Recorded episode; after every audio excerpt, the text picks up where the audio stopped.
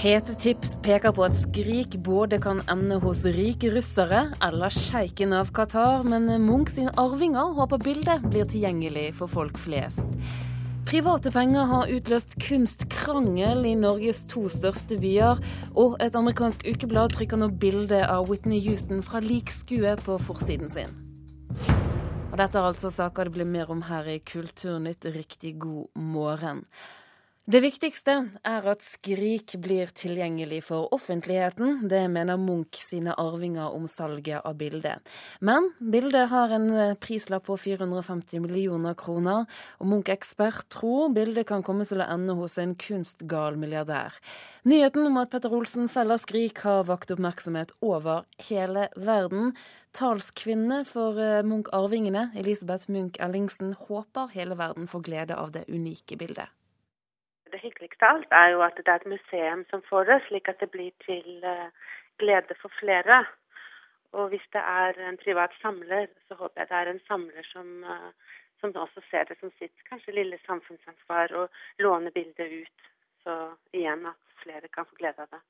Hvorfor tenker du at det er så viktig at det forblir i offentlighetens lys? Fordi Munch er eh, en av eh, verdens største kunstnere. Han er like aktuell i dag som eh, han var i sin tid, mot sin død. Og det ser vi jo nå på disse store utstillingene i Paris og Frankfurt og London nå til sommeren.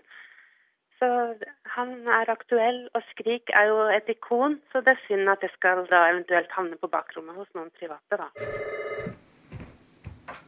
Det er mange telefoner til auksjonshuset Sotheby's om dagen etter at det ble kjent at Petter Olsen selger sitt eksemplar av Munchs Skrik på deres auksjon i New York. Prisantydningen er på 450 millioner kroner. Flere tror den vil gå for det dobbelte. Kunsthistoriker og Munch-ekspert Ina Johannessen tror en privatperson vil kjøpe Munchs Skrik. De private samlerne vil nok helt sikkert være der. Og jeg har faktisk i løpet av de siste årene snakket med et par samlere internasjonalt som har hatt en interesse for dette bildet. Kunstnettstedet Artnews rangerer verdens ivrigste kunstsamlere. I tillegg til sjeik Abdullah bin Mohammed av Qatar er russiske Roman Abramovic, som bl.a. eier fotballklubben Chelsea, gjenganger på topplistene. Andre rikinger Johannessen peker ut som potensielle kjøpere, er den franske milliardæren Francois Pinot og amerikanske Stephen Cohen, som allerede eier Munchs Madonna. Altså, Det blir bare gjettverk. Ingeborg Astrup er Sotheby's representant i Norge. Hun er tilbakeholden med å spå hvem som vil kjøpe bildet. Det er helt umulig å vite. I hvert fall ikke i dag. Per i dag. For det kan være hvem som helst. Men det er selvfølgelig, det må være en som har masse penger.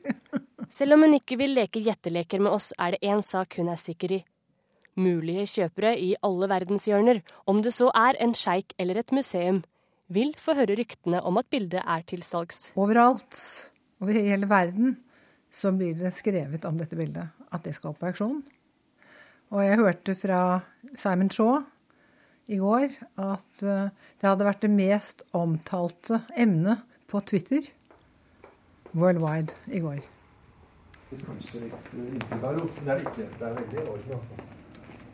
Hos Grev Wedels plass auksjonshus viser daglig leder Hans Rikard Elgheim vei blant kostbare malerier som står oppstilt langs veggene. Hvem er det som kjøper et bilde i den prisklassen? Altså fordi eh, prisen er abstrakt, så liksom fremkaller det fantasien hos oss alle, og da begynner vi å dikte hvem er den eksentriske samleren som kan bruke så mange penger. Men hvis man skal dra det ned på et uh, saklig nivå, rett og slett, så tror jeg at sannsynligheten er stor for at det havner på en institusjon. Uh, selvsagt fins det svært kresne samlere som syns at dette er noe av det ypperste man kan få tak i og vil toppe samlingen, om så er, og at man må stå fritt hvor man ønsker å henge det. Alt dette ligger jo der, og, og, og sånne samlere fins. Men sannsynligheten er nok at den som erverver dette, også vil la publikum få glede av det. Selv tror Elgheim at Skrik vil ende et sted hvor offentligheten kan ha glede av det. Tanken på Munchs mesterverk på veggen i et privat milliardærhjem liker han i alle fall dårlig. Hvor vil du helst ikke at det skal havne? Nei, det er denne, denne muligheten som jeg ikke syns er særlig stor, men som fins. Nemlig en eksentrisk samler som velger å ha det for seg selv. Det er det dårligste alternativet. Skulle det skje, så får vi bare håpe at den eksentriske samleren kommer på bedre tanker på et eller annet tidspunkt. Nei, Jeg håper bare at, at man nå ser alt det ståheiet som er rundt salg av Skrik, at det kan kanskje få politikerne til å, til å besinne seg i forhold til beslutningen om å lage et Munch-museum. At det ikke bare blir noe som blir fremskutt i all fremtid. Nå må vi virkelig få et Munch-museum. Det sa Elisabeth Munch Ellingsen, og svaret på hvem som ender opp med bildet, den, det får vi den 2. mai. Reporter, det var Ina Strøm.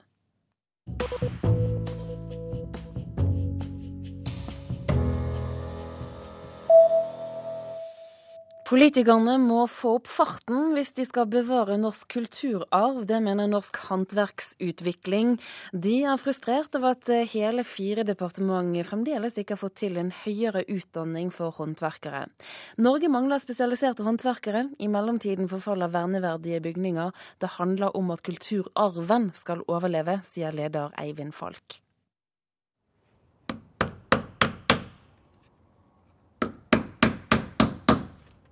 Det lukter tjære og sagflis i toppen av stavkirken på Norsk Folkemuseum. Middelalderkirken skal bli ny, men det skal skje på gamlemåten. Så her holder jeg på med drager. Dragene som uh, fører til kirken. I snekkerverkstedet er håndverker Ole Jørgen Skreiner i full gang med nye dragehoder til kirken. De er så værslitte at de har valgt å lage dem helt nye. Mm. Så det er på samme måte som de var gjort før. Skreiner forteller at restaureringen er helt avhengig av håndverkere som har kunnskap om det å bygge på gamlemåten. Resultatet blir, tror vi, riktigere. Vi forstår bedre hvor, hva som ble tenkt, og hvordan ting ble gjort. Vi skal jo formidle en historie. Eh, og må prøve å gjenskape det som var og bevare den kunnskapen omkring det. Men slik kunnskap er sjelden i Norge i dag. I fjor slo fagfolk alarm om mangelen på folk som kan tradisjonelt håndverk. Den gjør det vanskelig å ta vare på gamle, verneverdige bygg. Nå ønsker myndighetene derfor å lage høyere utdanning i fag som tradisjonell tømring, muring og maling. I dette så ligger det også en aksept av håndverkskunnskapen, også på et høyere utøvende nivå. Eivind Falk, leder for Norsk håndverksutvikling, er positiv til at myndighetene etter flere år med prøveordninger har tatt initiativ til en permanent utdanning. Men han synes det tar for lang tid. Vi ser at dette haster, og hvis vi skal nå Stortingets mål om å sette alle fredede bygninger i Norge i et normalt vedlikeholdsmessig nivå, da er vi nødt til å legge breisida til. Folk er også kritisk til at myndighetene i mellomtida legger ned en prøveordning som har utdannet håndverkere på høyt nivå siden 1995. Dette må altså ikke stoppe opp. De prøveordningene som er i gang nå, de må få lov til å fortsette. Eh, for det er helt nødvendig. Eh, sånn at vi ikke bygger ned de fagmiljøene og de arenaene som har vært bygget opp over lengre tid. Håndverk er praktisk kunnskap, og opplæringen foregår utenfor klasserommet på stavkirken, i smia og i verkstedet. Miljøverndepartementet opplyser overfor NRK at det er en utfordring å innpasse håndverkene i det akademiske utdanningssystemet. Derfor tar det tid. Stortingspolitiker Olemic Thommessen fra Høyre mener regjeringen kunne ha funnet en løsning for lenge siden. Det er veldig beklagelig at eh, regjeringen somler med å komme opp med et skikkelig opplegg for eh, å ta vare på de små og verneverdige håndverksfagene i Norge. Det har vært et eh, politisk tema i mange år. Det er om å gjøre å få det frem før, eh, før disse fagene dør ut. Hva er det det heter? Mens gresset gror, dør kua. Og det er en, eh, et ganske treffende ordtak i den sammenheng. På Norsk Folkemuseum må mye av stavkirken fra Gol gjenskapes. Snekker Ole Jørgen Skreiner håper flere håndverkere kan få sjansen til å fordype seg i gamle byggeteknikker slik at de kan bevare historien for framtida. Det er eh, noe med vår holdning og respekt for eh, det som har eh, blitt gjort. Så jeg, jeg ser det som et poeng at vi tar vare på noe av den kunnskapen. Det sa håndverker Ole Jørgen Skreiner, og ingen av departementene kunne kommentere saken til oss her i Kulturnytt. Reporter var Ida Kvittingen. Du lytter til Nyhetsmorgen i NRK P2 og Alltid nyheter. Klokken nærmer seg 8.15. Hovedsaker i dag. Sverige har fått en ny tronarving. Kronprinsesse Victoria fødte en datter i natt. Flere trenger kommunale boliger her i Norge. Pågangen i de store byene er økende. Og bli med oss videre i Kulturnytt, for straks skal vi til stumfilmen som har fått ti Oscar-nominasjoner. The Artist har nå premiere her i Norge. Men eh, først. Privat kunst i offentlige rom skaper bråk i Norges to største byer.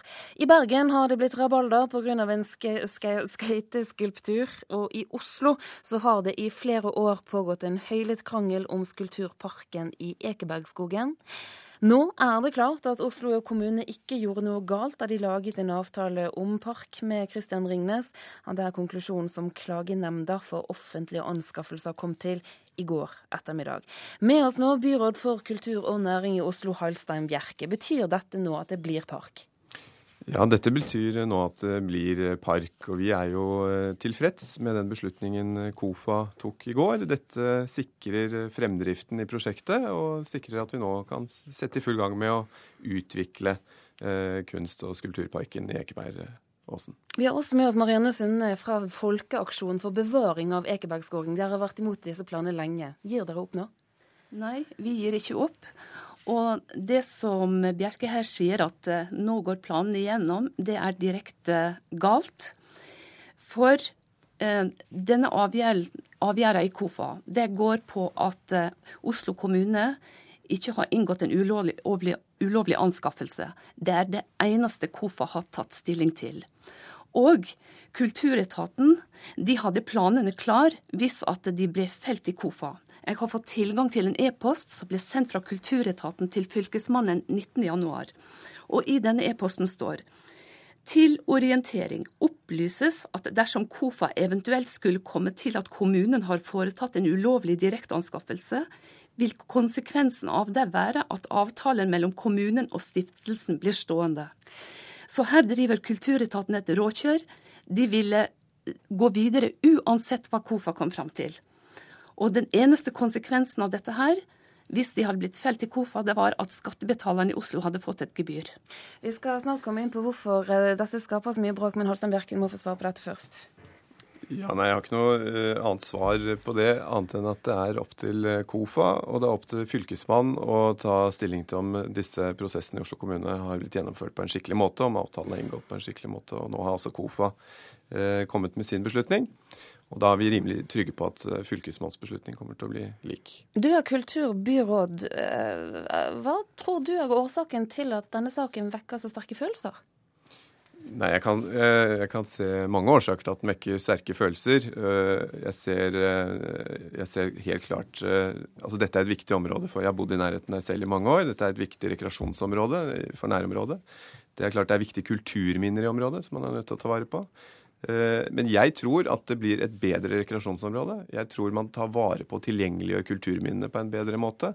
I tillegg til at man tilfører dette området en kunstnerisk ny dimensjon. Så jeg, jeg ser, ettersom jeg har gått inn i det, eh, veldig mange positive effekter av dette prosjektet. Også utover det rent kunstfaglige. Marianne Sunde, du er det ingen av disse positive effektene ved dette prosjektet?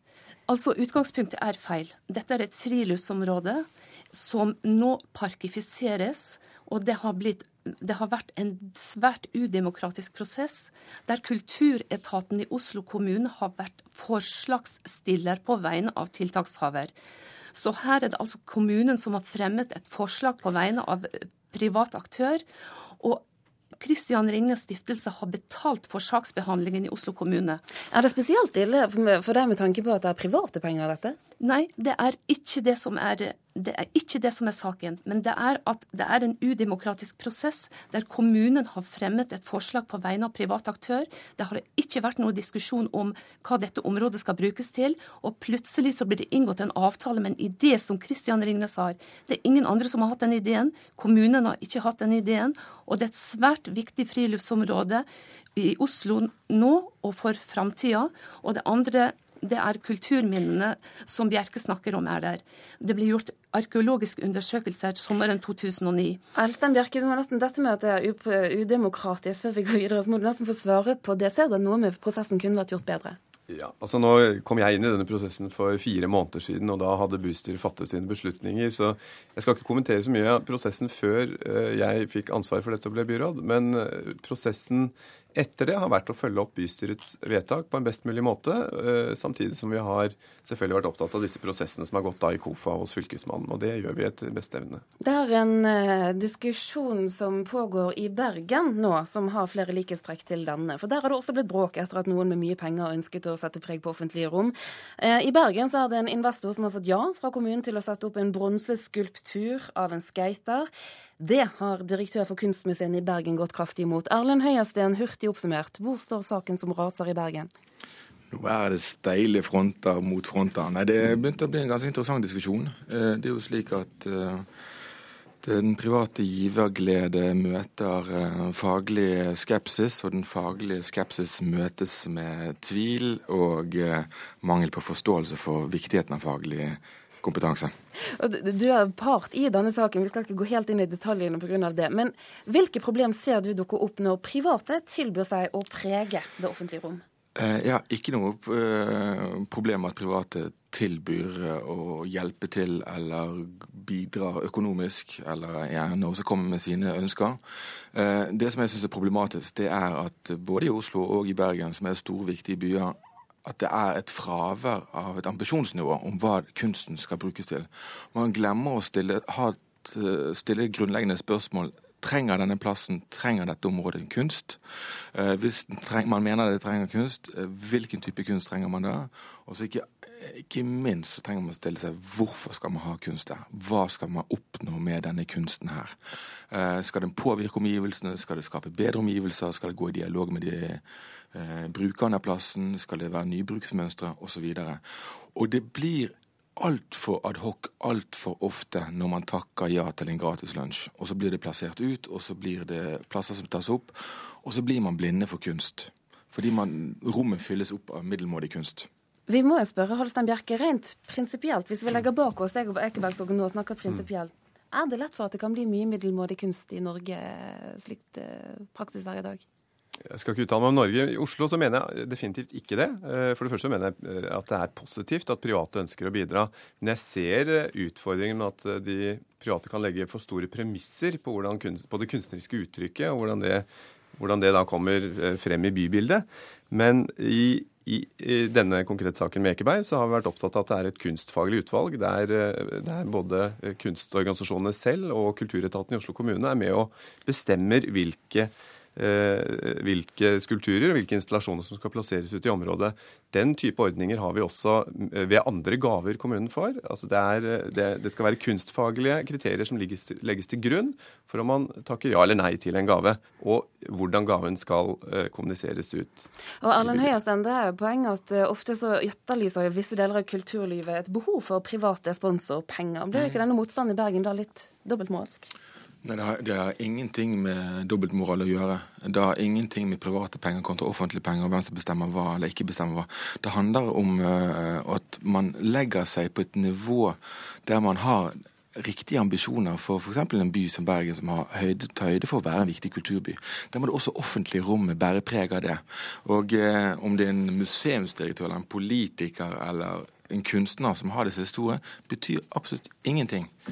Du fikk i hvert fall siste her i Kulturnytt. Takk for at du var med oss, Erlend Høierstein. Takk også til Marianne Sunde og til eh, Halstein Bjerke. På P2 akkurat nå så fortsetter eh, Nyhetsmorgen med Hegge Holm i studio, men eh, denne Kulturnytt-delen er over. Ansvarlig for Kulturnytt i dag, Andrea Kvam Hagen. Lisbeth Sellreite har hatt det tekniske ansvaret. Her i studio, Turi Grønbæk.